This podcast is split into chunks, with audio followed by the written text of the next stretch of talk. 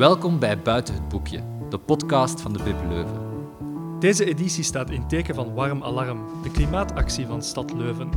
In de eerste aflevering praten we met Tine Hens. Tine is klimaatjournalist en schrijft onder andere over biodiversiteit.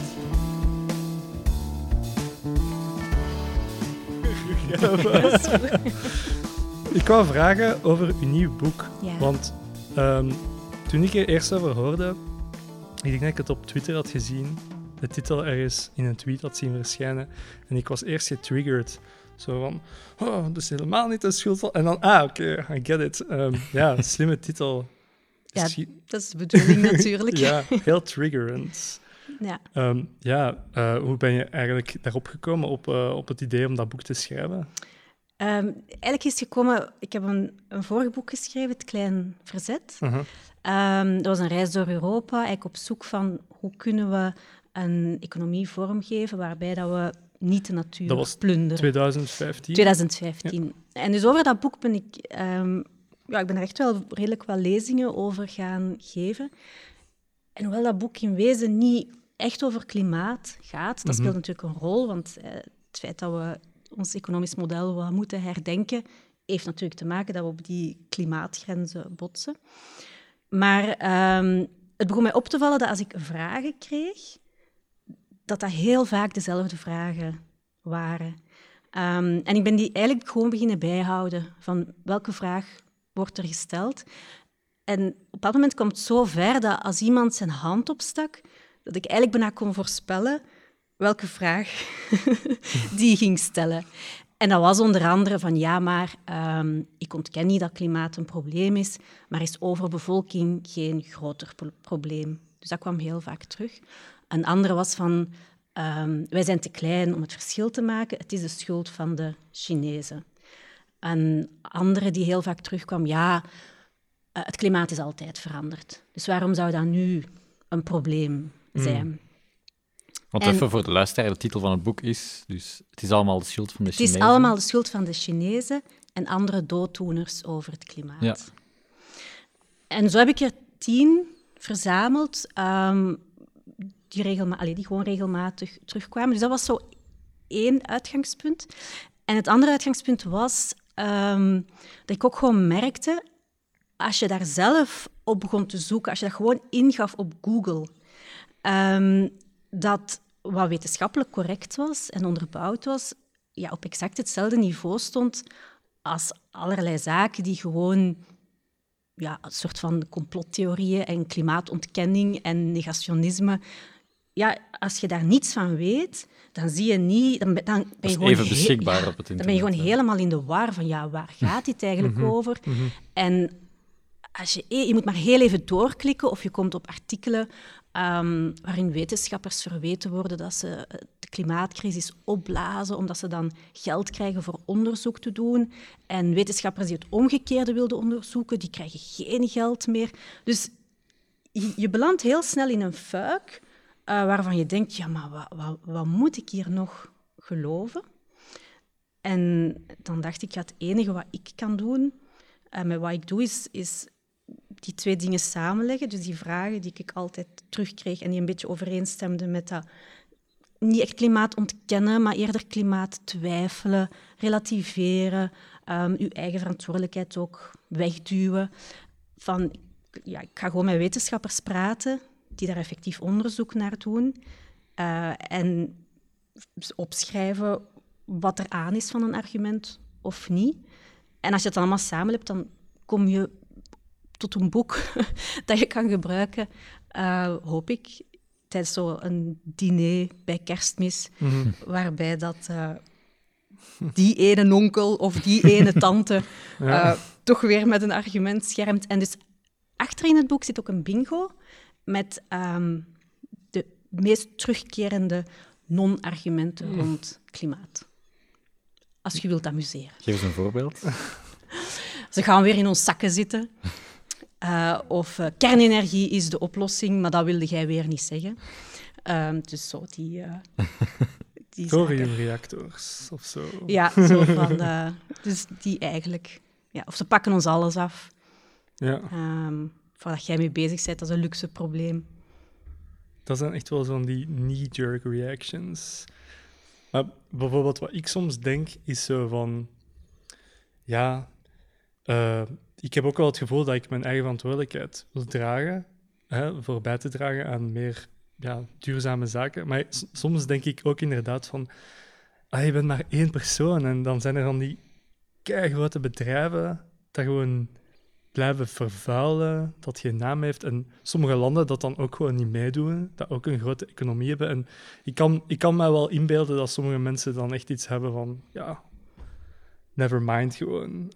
snap je wat ik bedoel? Ja, ik snap hoe, dat. Hoe kun je zo mensen overtuigen? Ja, maar dus, allee, nog, nog, nog een keer. Uh, ik, ik heb, eh, allee, als je een boek schrijft met de ambitie mensen te overtuigen, um, dat is, dat, dat, om eerlijk te zijn, echt mijn ambitie niet. Het is mhm. echt een vorm van puur informeren.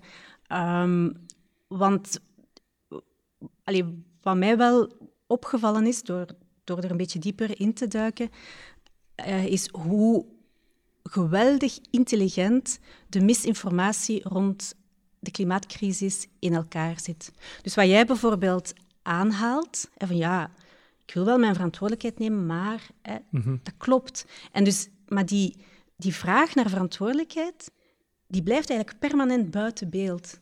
Wie is er hier nu eigenlijk verantwoordelijk voor deze klimaatcrisis? En dat is eigenlijk niet zo moeilijk.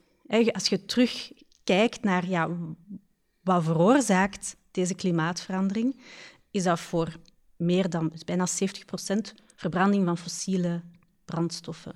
Dus uiteindelijk bedrijven die gigantisch veel geld verdienen, verdienen nog altijd aan het oppompen en verkopen van fossiele brandstoffen. Um, aardolie, steenkool, aardgas.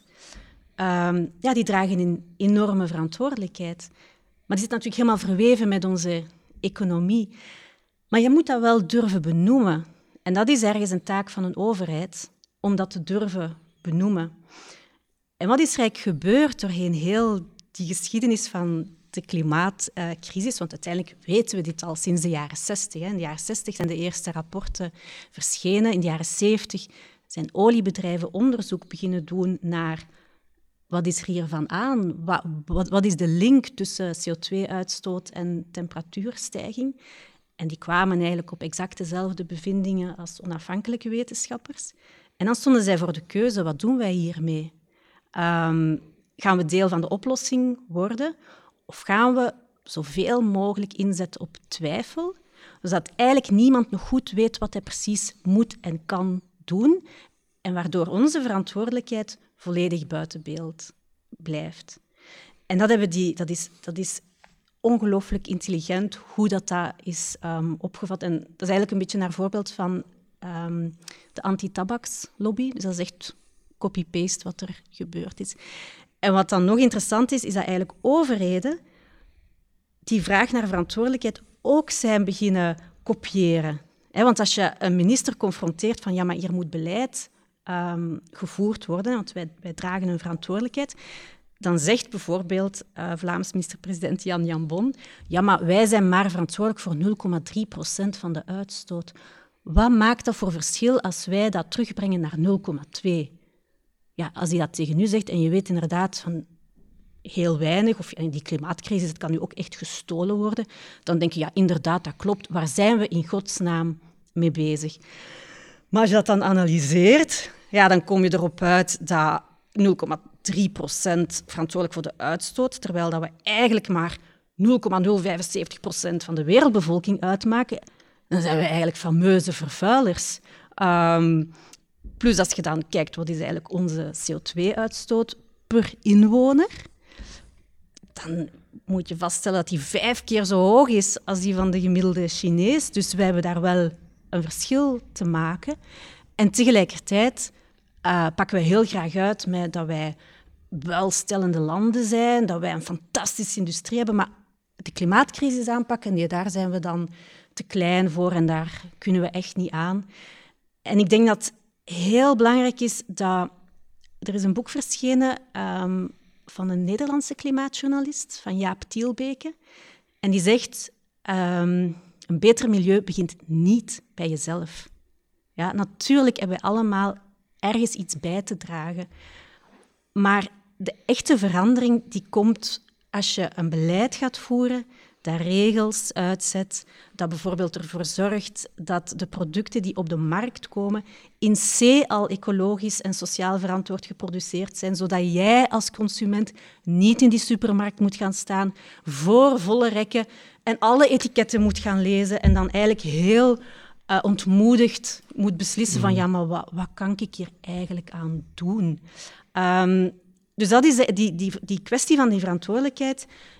Ik denk dat het als burgers zeer belangrijk is om dat echt naar uw overheden toe te schuiven, echt naar uw bedrijfsleven toe te schuiven en te tonen van kijk, jullie zijn verantwoordelijk voor zoveel uh, uitstoot.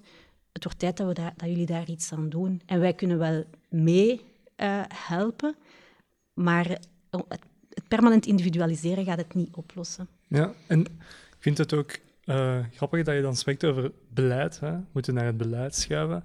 En vandaar ook de ironie in de titel van het boek. Want ik denk niet dat veel mensen weten dat China eigenlijk als land een van de grootste, als land een van de grootste economieën is dat inzet op actief zaken duurzaam maken, hè, energie groen maken en zo. Ik denk dat mensen dat niet weten. En is dat daarom dat u dat als titel heeft gekozen? Omdat dat zo'n grote ironie is eigenlijk? Ik heb het eigenlijk vooral als titel gekozen om, omdat die, die opmerking van China heel vaak mm. vaak terugkwam.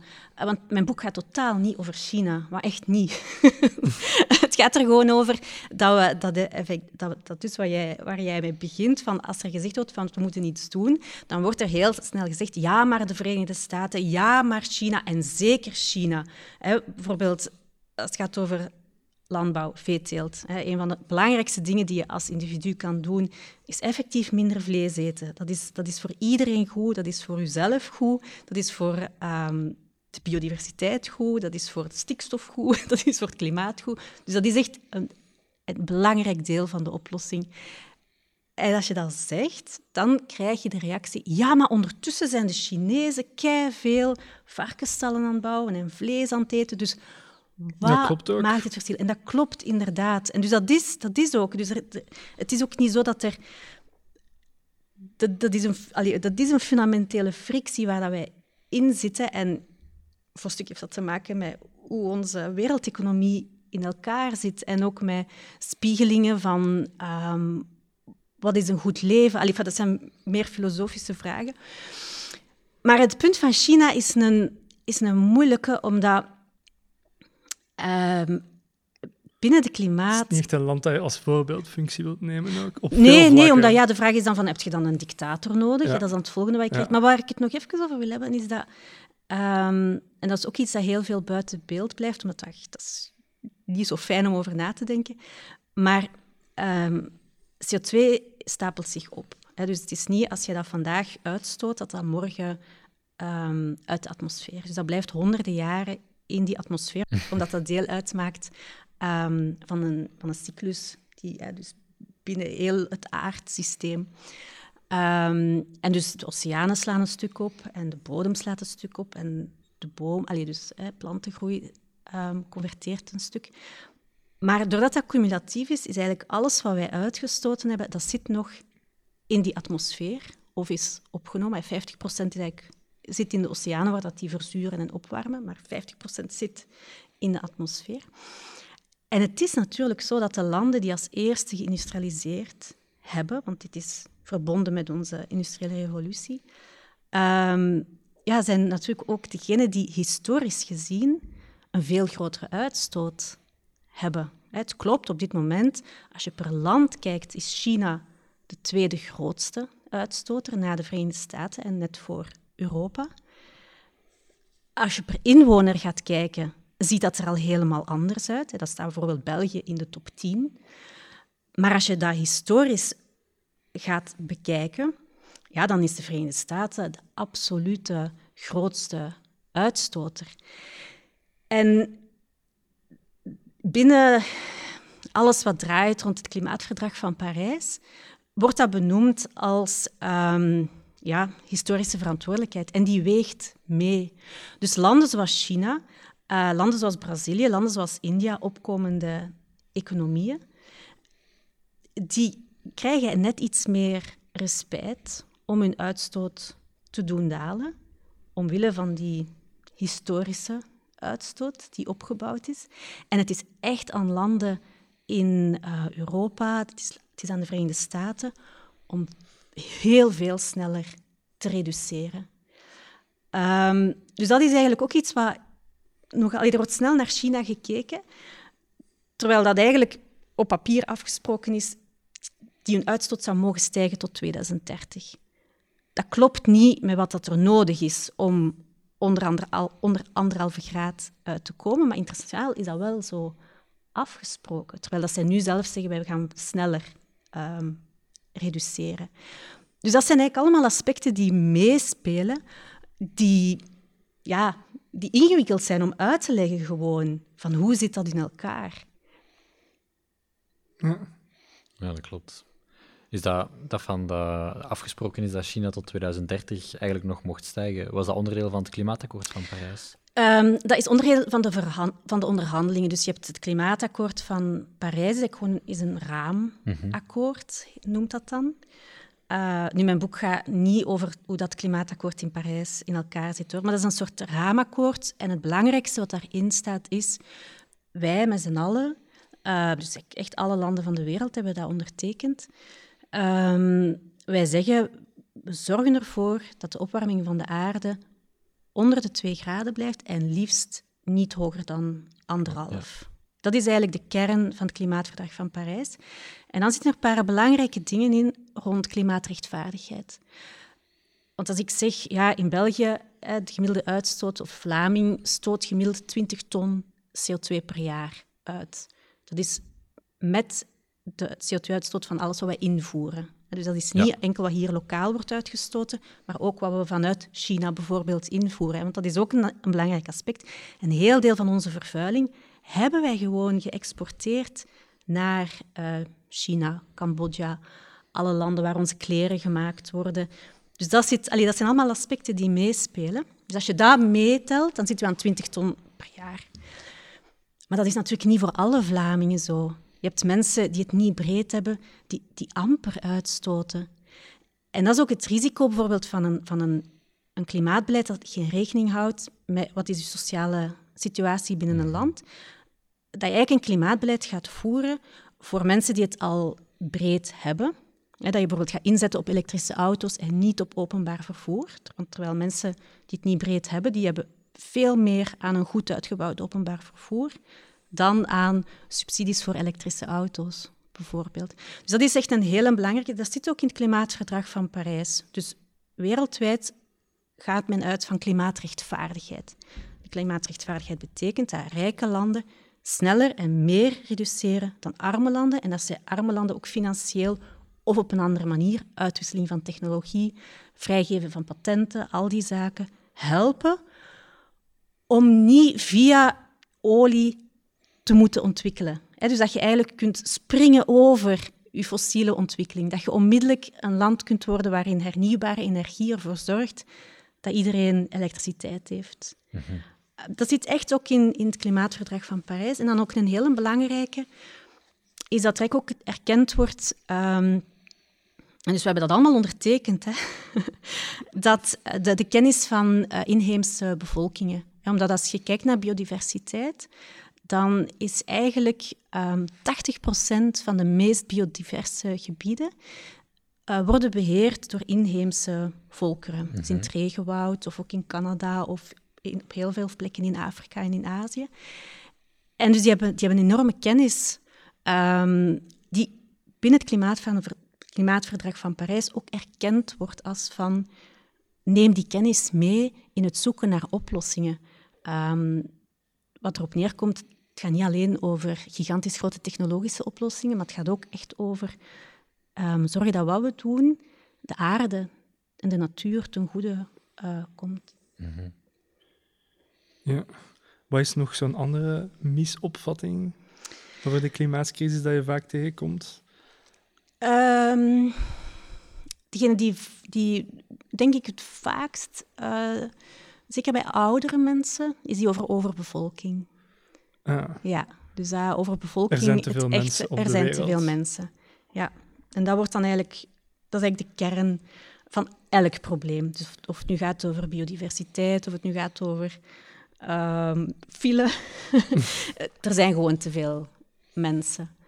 Uh, dat is eigenlijk, denk ik, degene die het vaakst terugkomt bij uh, mensen die ook echt heel begaan zijn met de, met de natuur. Dus, dus zeker niet het type klimaatontkenner. Als je kijkt naar het type klimaatontkenner, dan kom je bij, ja, het klimaat is altijd veranderd. Ja, de en aarde heeft een hele geografische Ja, het is gewoon een natuurlijk fenomeen. En, en het is een natuurlijk fenomeen. En um, daar ook aan gekoppeld, hoe, hoe kan de mens als, als klein, klein wezen nu zo'n impact hebben. Allee, dat is te zot voor woorden. Hoe kan de mens een heel klimaatsysteem gaan uh, beïnvloeden? Wie, wie verzint dat? Wie zijn die zotte wetenschappers die dat verzinnen? Um, ik denk dat dat zo bij de echte... Dat is, dat is echt rabiaat, het gewoon ontkennen. Um, en, maar er is eigenlijk zo... Als ik even mag teruggaan naar wat ik helemaal in het begin zei, dus als je kijkt wat is eigenlijk die geschiedenis van dat, van dat ontkennen van die klimaatverandering. Omdat het grappige is dat in de jaren 60 er is een rapport verschenen, dat is voor de Senaat gebracht in de Verenigde Staten. En president Johnson heeft op dat moment gezegd, 65, wij moeten hier onmiddellijk iets mee doen. Dus er, was geen sprake van, maar uh, wie zijn die zotte wetenschappers? Nee, dat was echt, eh, er was geen twijfel. En dat heeft eigenlijk geduurd tot eind jaren 80. En dan is die echt, um, bewuste mis, zijn die bewuste misinformatiecampagnes opgestart, vooral in de Verenigde Staten. en wat interessant is, is dat um, ook in die, hoe dat het geformuleerd wordt, de vorm van klimaatontkenning, is ook geëvolueerd. Um, en ik heb erover gesproken met een, dat is een Texaanse klimaatwetenschapster die heel veel gaat spreken met echte klimaatontkenners. In Texas, je kunt het je voorstellen, uh, de oliestaat, tegelijkertijd ook wel staat van hernieuwbare energie, maar echt zo allee, redneck Americans. Ook de nieuwe tech, het nieuwe tech Ja, ook wel. Maar dus eigenlijk echt, uh, allee, je moet het type redneck American, Republican. Conservative people. Ja, conservatief, republikeins. Um, en zij gaat daar echt heel bewust um, mee spreken. Ze is ook gelovig, dus dat helpt. Dat helpt al, dat, dat, dat breekt het ijs al mm. van... Eh, en zij zegt van ja, eigenlijk zijn er. Je hebt eigenlijk vijf uh, stappen van binnen die klimaatverandering, uh, binnen die klimaatontkenning. Van heel duidelijk naar heel subtiel. Um, en dus de eerste stap is, ja, klimaatverandering bestaat niet. Uh, dat is een verzinsel, dat bestaat niet. De tweede stap is, um, klimaatverandering bestaat, maar het is niet de mens. Mm. Tweede stap. Hè. Dat is dus van, het is van alle tijden. Um, de derde stap is, ik moet even nadenken, klimaatverandering bestaat. Uh, het is de mens, maar het is goed voor ons. Want wij gaan gewoon fantastisch mooie zomers hebben. Het is goed voor toerisme. We hoeven eigenlijk niet echt op reis te gaan. onlangs een, uh, stond er een krantenkop. Um, het weer van Spanje wordt het weer van België fantastisch. Bijvoorbeeld Poetin, uh, dat is een van de dingen bij Poetin wat ook klopt. Ja, er zijn, gaan gebieden waar dat je landbouw gaat kunnen doen, waar dat je tot nu geen landbouw kon doen, omdat gewoon de omstandigheden er niet waren, omdat de grond altijd bevroren was, bij wijze van spreken. Dus hè, dat heeft eigenlijk gewoon veel voordelen. Goed nieuws. Hm? Goed nieuws. Goed nieuws, goed nieuws. Dan, de volgende stap is, klimaatverandering bestaat. Het is de schuld van de mens het is misschien toch niet alleen maar goed nieuws, maar het is veel te duur om er iets aan te doen. Dus die komt ook heel vaak terug. Wie gaat dat betalen? Ja. En dan de vijfde stap is, klimaatverandering bestaat, het is de schuld van de mens, maar het is te laat om er iets aan te doen. Hmm. En die twee laatste, die komen heel vaak terug in het politiek discours hier, in, uh, eerder in Vlaanderen dan in België. Ja, het is te laat om er iets aan te doen. Mensen denken. Nee, uh, die van het is te duur. Aan die ah. van te laat, dat, dat, dat niet, sorry. Vooral die van het is te duur. Dus dat is eigenlijk zo eentje die je heel sterk terugvindt in. Uh, ja. Oké, okay, dat is wel interessant. Uh, ja, gegeven. En denkt je dat mensen ook afzakken binnen Ja, dat systeem? Ik vroeg dat aan, eh, aan haar en zij zei, nee, die, dat springt soms zo terug. Ja. Dus dat, dat is niet dat dat een, een echte, duidelijke De ene trapsgewijze... dag denk je het is te laat, de andere dag denk je Ja, misschien het is te duur. hangt er vanaf hoe dat je bent opgestaan. Eh, maar ze, ze, ze verweven ook wel. Allee, Ja. Dus het, het Ja. vloeit ook door elkaar. Ja, er zullen ook overlappingen zijn. Ja. Maar zij zegt dat zijn, dat is, zijn allemaal vormen van klimaatontkenning. Dus het, dus het is niet alleen maar het, het, het feit op zich ontkennen, maar het, ha- ook het feit dat je er eigenlijk iets aan kunt doen ontkennen. Dat is wel heel optimistisch ergens. Want daarmee zeg je ook, het is niet te laat en het is niet te duur. En nee, al die dat andere is zo. Ja, dat, dus Dus- dat, is één, dat zijn twee hoofdstukken. En zet je optimistisch dat wij als ja, mensheid dat probleem gaan kunnen overbruggen? vind ik de allermoeilijkste vraag. Hm. Dat is mijn laatste hoofdstuk. Gaat over effectief, want dat is ook een, iets wat vaak terugkomt van je mag niet alarmistisch zijn. Je mag niet alarmistisch zijn, want als je alarmistisch bent, dan kan je mensen niet meer motiveren om in beweging te komen. Ehm, ik vond dat het moeilijkste hoofdstuk om te schrijven, omdat dat ehm, ook het dichtst bij mij lag eh, of ligt. Omdat, ehm, ja, dat is een vraag die als, als je over klimaat schrijft, die permanent in je hoofd zit. Ehm, als je de dingen voorstelt zoals ze zijn, echt zijn, ziet, ziet, dat is gewoon verschrikkelijk. Ik daar geen ander woord voor. Die, als je die rapporten leest, ehm, zelfs de meest milde scenario's, Kijk, anderhalve graad, we zeggen dan dat is, oh, dat, is, dat is waar dat we naar moeten streven. Maar eigenlijk zeggen we dan eh 70% van het koraalrif, dat zijn we kwijt. Dat is ouder dan de mens. Hè? Dat zijn we kwijt, dat gaan we niet redden. Dat is anderhalve graad. Snap je? Dus het is, het is geen vrolijk verhaal. Echt niet. Ehm, zeker niet als je de twee aan elkaar gaat linken. Als je klimaatcrisis en biodiversiteit aan elkaar linkt. Want wie zijn wij als soort om te kunnen beslissen dat de koraalrif... Ja, dat sorry, dat geven we op. Gletsjers, die zijn weg. Ook bij anderhalve graad. De gletsjers in de Alpen, die, die houden het niet. Die zijn weg. Terwijl allee, qua natuurverschijnsel is er voor mij weinig meer indrukwekkend dan zo'n gletsjer. Dus voilà, dat is de vraag van, eh, leg je daar de nadruk op? Schrijf je iedereen een halve depressie aan? Of, en dat is dan het advies dat altijd gegeven wordt, van ja, je moet bij elk artikel toch het handelingsperspectief, hè, toch altijd opnieuw duidelijk maken van we kunnen er iets aan doen. Wat ook zo is, hè, dat, dat, dat is ook zo. Er is een verschil tussen anderhalve graad en 1,7 graden. Allee, qua effecten die dat heeft in, in de wereld, dat, dat zijn hallucinante verschillen. Dus, dus iedere, iedere fractie van een graad opwarming die we kunnen tegenhouden, is de moeite waard om voor te vechten. Maar dat sluit niet uit dat dat voor mij als, mens gepaard gaat met pijn, omdat er ook verlies is. We zijn nu al dingen verloren. We zitten nu al aan gemiddeld 1,1 graden opwarming. In bepaalde gebieden, zoals het Arctisch gebied, is dat veel meer. Ehm, dus voor, voor diersoorten die, die daarvan afhankelijk zijn, ehm, heel, heel het ecosysteem daar, dat, dat is al veranderd. Wij merken dat natuurlijk niet, omdat we... Ah ja, we hebben dat nu even gemerkt met die heel koude, die heel koude week die we gehad hebben. Maar in wezen, ja, wij merken dat niet. Ehm, maar dat is wel aan de hand. Dus wij, we leven al in een planeet die anders is dan onze voorouders. Nog maar een generatie terug. En dus ja, als ik denk, wat betekent... Allee, sommige dingen kan ik zelfs ook niet eh, lezen, omdat als het gaat over 2050 of 2070, allee, dat is... Ja, ik ben dan al wel oud, maar mijn kinderen, dat is hun leven.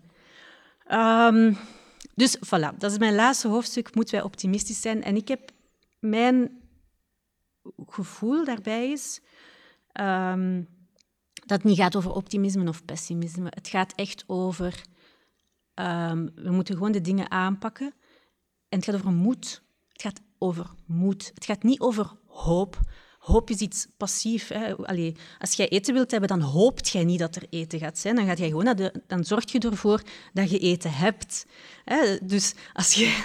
Als, um, dus het gaat echt over moed. Moed om de dingen te benoemen. Het is, het is, het is een moeilijk verhaal. Maar ik denk dat doordat we soms te vaak gehamerd hebben op van ja, maar ja, als we, als we te, te, te erg gaan voorstellen, het, je kunt het niet te erg voorstellen, want het is gewoon erg. Mm -hmm. En dat was ongetwijfeld um, in de jaren tachtig minder het geval, hè, want dus we, hebben, we hebben enorm veel tijd verloren. Allee, dat, is, dat is waanzinnig. Hè. Allee, um, sinds dat we erover beginnen praten zijn internationaal, hebben we alleen nog maar meer uitgestoten. Um, dus het gaat echt over moed. Heel veel mensen moeten moed hebben om, om het te benoemen en, en, en om politici daarop aan te spreken, op hun verantwoordelijkheid die zij dragen. Um, dat is vermoeiend. Ja. En hoe vind je dat dat verhaal moet gebracht worden door journalisten? Mm. Want je hebt bijvoorbeeld de alarmisten, dat constant hameren op de problemen en de dingen die mislopen. Mhm. En dan heb je ook positieve journalistiek, al ja, constructive journalism. Mhm. Mensen die constant schrijven over mhm. de oplossingen. Ik denk dat je het moet combineren. Mm. Maar je kan niet alleen schrijven over de oplossingen en niet de ernst van de zaak um, benoemen. ik denk dat je daar bijna automatisch op uitkomt. Want ik heb dat, ik heb dat zelf ook ervaren. Hè. Als, ik, als ik daarover schrijf, um, ik herinner mij toen, toen het rapport uitkwam over um, de oceanen en het ijs. Dus dat is de cryosfeer. Um, de oceanen en de cryosfeer. Cryosfeer is eigenlijk alles wat met ijs te maken heeft en met sneeuw. En ja, dat, dat, was, dat is eigenlijk ontluisterend uh, wat je daarin leest. En dus je schrijft daarover en je volgende je reactie is onmiddellijk van oké, mijn volgende stuk wil ik, wil ik een stuk maken waarop, waarop dat ik perspectief bied, waarop ik toon, allee, of waarop we zoeken naar wat is er al aan het gebeuren, wat is er allemaal aan het veranderen. En dat is ook echt, allee, mijn vorige boek, Klein Verzet, is ook echt dat. Dat is echt handelingsperspectief, 100%. Iedereen die iets wil doen, haalt er wel iets uit waar dat je kunt um, beginnen. Maar dat ontslaat u niet, vind ik, van toch wel een beetje de verantwoordelijkheid om, om ja, de, de, het, het onder ogen te komen en te zeggen van dit is de situatie, echt wel. Laat ons dat nu eens gewoon benoemen. Laat ons benoemen hoe erg het is. En mensen gaan daar niet van in paniek geraken. Mensen gaan misschien wel geschokt zijn, maar door permanent te doen van ja, maar ja, zo erg is het nog niet hoor. We hebben nog... Zo komen ook heel veel mensen niet in beweging. En vind je dat, hoe vind je dat de Belgische mediawereld dat aanpakt? Het verhaal over de klimaatcrisis? Um, ik vind dat er veel te weinig uh, over gedaan wordt. En, mm. en um, ja, allee, ik, heb wel, ik heb zeker als het gaat over um, zo radio en tv. Allee, het is precies alsof het iets is wat apart staat. Terwijl als je daarover begint te lezen en je daarin ingraaft, dan besef je, ja, maar het is verbonden met alles wat wij doen. Het gaat eigenlijk echt over alles wat wij, wat wij doen. Um, dat gebeurt wel bij de coronacrisis. Dat komt overal in elk artikel voor. Ja. Dus je vindt dat dat ook eigenlijk zo met klimaat zou moeten zijn? Bijvoorbeeld? Ja, dat je wel die vraag moet stellen. Hè. Bijvoorbeeld als het gaat over Zaventem wil uitbreiden, wat nu niet aan de hand is, want, uh, maar dat, was, dat, je, dat, je, dat, je, dat je toch op zijn minst een paragraaf moet wijden aan het feit van ja, kan dit wel als wij het klimaatverdrag van Parijs ondertekend hebben? Wat betekent dat voor de uitstoot? En um, is dat daar eigenlijk wel mee compatibel. Dus hmm. het wordt eigenlijk altijd zo geparkeerd als iets apart. En dat is, dat is ook hoe dat bijvoorbeeld um, Vlaams beleid gevoerd wordt. Het klimaatbeleid in Vlaanderen is gewoon een Excel-tabel. Dat is een Excel-tabel waar dat met min en plus en waar gaan we wat minder en waar gaan we wat meer. Maar ondertussen allee, stoten wij nog altijd niet... Allee, dat daalt niet, hè. Dus dat is, je moet dat echt integreren in alles wat je aan het doen is, want het is met alles verbonden. En uiteindelijk komt het wel neer op de vraag van... Ehm, we hebben zo het idee, onze economie moet groeien. Niemand die kan zeggen wat dat precies betekent. Hè. Jawel, economen hebben daar natuurlijk wel een uitleg voor. Maar als jij op straat gaat vragen, de groei van de economie, wat betekent dat dan eigenlijk concreet voor u, persoonlijk? Mhm. Ja, dan blijkt dat daar toch wel wat rare kronkels in zitten. En die, uh, ik denk die idee fix, het moment dat je die loslaat en... Uh, en je waarde anders gaat formuleren, um, dat, is een heel, dat, zou, dat is een heel belangrijke stap vooruit in wat we moeten doen om klimaat en biodiversiteit te herstellen. Mm Ja. Dus dat is, ik, ik weet dat ik niet heel maar dus ik vind dat een heel moeilijke vraag, omdat ja, ik, ik, ik, ik denk dat er soms een soort normaliteit wordt ingedramd. Uh, en ik denk, ja, maar die normaliteit is het probleem, of deel van het probleem. Ja, dat het niet meer gezien wordt als urgent, eigenlijk. Dat het gewoon een topic geworden is. Ja, het is een topic. En we hebben het erover als er een klimaattop is. Um, en we hebben het erover ja, heel ja. afgeleid. Je hebt de economie, de politiek en dan ja. klimaat. Terwijl het er echt wel mee... Of het gaat alleen maar over die uitstoot, maar die, uiteindelijk gaat het niet over die uitstoot. Het gaat eigenlijk over hoe zien wij onze levens als mens? Want we zijn, we zijn effectief met veel. Maar het is niet omdat we met veel zijn dat wij niet zouden kunnen leven ehm, binnen de grenzen van wat dat onze planeet aan kan. Dat kan wel, maar dat moeten we wel gaan doen. Of we maken het voor ons kinderen echt heel erg moeilijk.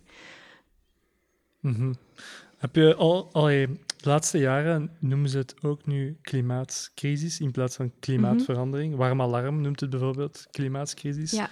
Dus ze proberen eigenlijk die sense of urgency terug te mhm. brengen. Wat vind je daarvan? Ja, ik denk dat dat goed is. Ik, ik noem het ook heel bewust ehm, klimaatcrisis.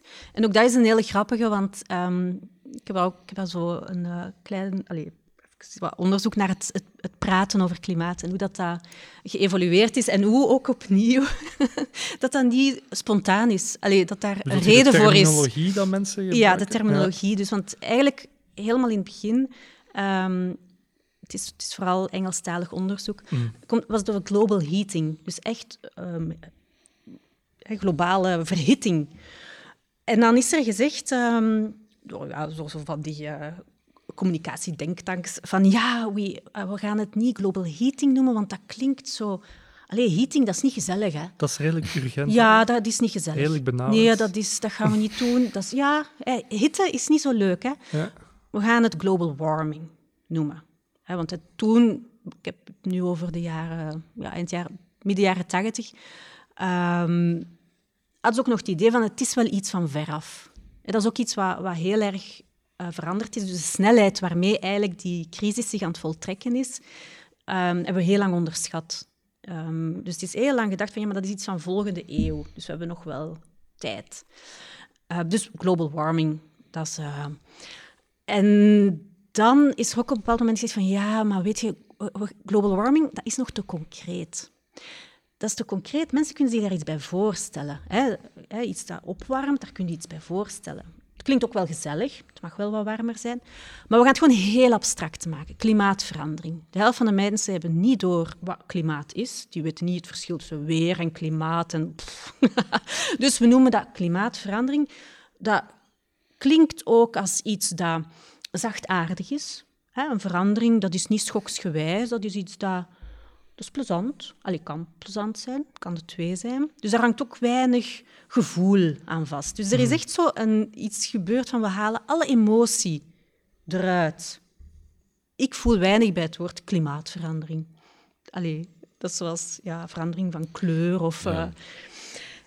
En dan is er, uh, dat is nog niet zo lang geleden, eigenlijk naar aanleiding van onder andere zo Extinction Rebellion, Greta Thunberg ook, die heel erg hameren op tell the truth. Zeg wat er aan de hand is. En mensen zijn wel groot genoeg en volwassen genoeg om daarmee aan de slag te gaan. Zij gewoon eerlijk. Um, en dan heeft bijvoorbeeld The Guardian beslist van, oké, oké, we gaan een hele reeks termen anders noemen, waarbij dat de urgentie ehm, duidelijk wordt. niet klimaatverandering, maar klimaatcrisis. Dat was er één van. Ah, dat is begonnen bij die Britse krant. Ik denk, ja, zover ik het kan terug, ehm, is The Guardian de eerste die dat eigenlijk zo naar voren geschoven ja. die heeft. opstapelende eufemismes, dat gebeurt wel vaak hè, bij, in de Verenigde Staten. Ja. Shell shock vroeger in Vietnam is nu post-traumatic stress disorder. Daar dus is je haalt echt niks meer in van... je haalt de emotie eruit, je maakt het abstract. Mhm. En dan, dan is het precies iets dat niet van ons is.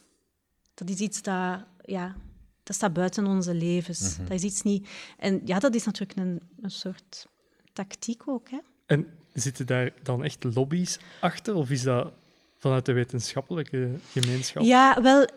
Um, ik zou, want ik, maar ik, ah, dat is nu, dat is omdat ik komt eigenlijk niet in mijn boek naar voren, maar ik heb een gesprek gehad met, um, met iemand die mij het eerste artikel heeft doorgestuurd, waarin de shift ook wetenschappelijk gemaakt is van global heating naar global warming. En daar zat dan wel een wetenschappelijke um, reden mm. achter. Maar ja, dat is ergens dat was op dat moment niet voor breed publiek of zo, dat was een wetenschappelijke publicatie. Um, nu, het is natuurlijk zo, wetenschap en terecht, um, die, die, die hoeven niet bezig zijn permanent met... Um, ja, die hebben hun, idio hun, allez, hun taalgebruik. Ja, dat, dat, nuance is daar een belangrijk deel van. Ja. Um, maar je hebt natuurlijk een ander, een ander aspect van communicatie en taalgebruik, is van ja, um, hoe gebruik je termen waarbij dat je toch duidelijk maakt wat de realiteit van een, een zaak is. Dus er is echt een heel groot verschil tussen een taalgebruik binnen een wetenschappelijke um, structuur of uh, plek en dan die vertaling naar een breed publiek. Ja, misschien is er dus een probleem tussen het onderzoek zelf en de communicatie naar de buitenwereld. Dat is, uh, ja, weet je, dat is ook waar dat ze natuurlijk heel erg op gespeeld hebben. Um, dus die heel dat eigenlijk de essentie van die klimaatontkenning of de zachtaardige of de klimaatrelativering komt neer op, kijk, wetenschap is permanent twijfelen. Dat is de hm? essentie van wetenschap. En dus wat zij gedaan hebben, is eigenlijk die twijfel de hele tijd vergroten. Van ja, maar het is niet 100% van... Het is 99%. Dat is niet 100%. Die twijfel misbruiken. Ja. En, terwijl dat twijfel is... is, is het, is het is 100% is het nooit, want je moet, je moet die twijfel ook binnen je wetenschappelijk werk moet er zijn. Of je begint vanuit vaste aannames dingen te denken en je, je, je, vindt, allez, je doet geen onderzoek meer. Dus je, die twijfel is essentieel binnen de wetenschap, maar dat wil natuurlijk niet zeggen dat alles waarop die wetenschappelijke um, ontdekkingen gestoeld zijn, twijfelachtig zijn. Bijvoorbeeld, nee, ze kunnen niet zeggen wat er precies gaat gebeuren in het jaar 2040 als we onze uitstoot met, met zoveel procent uh, naar beneden gaan. Wat betekent dat allemaal precies voor? Nee, dat, zo werkt het niet. Je kunt alleen scenario's van, en, en zo waarschijnlijkheden. En dus op, omdat dat gaat over scenario's en waarschijnlijkheden, zit daar twijfel in en onzekerheid. En dat wordt dan uitvergroot ja. om eigenlijk te zeggen, alles is onzeker. Volgende keer spreken we met Katrien Rijken, een van de drijvende krachten achter Leuven 2030.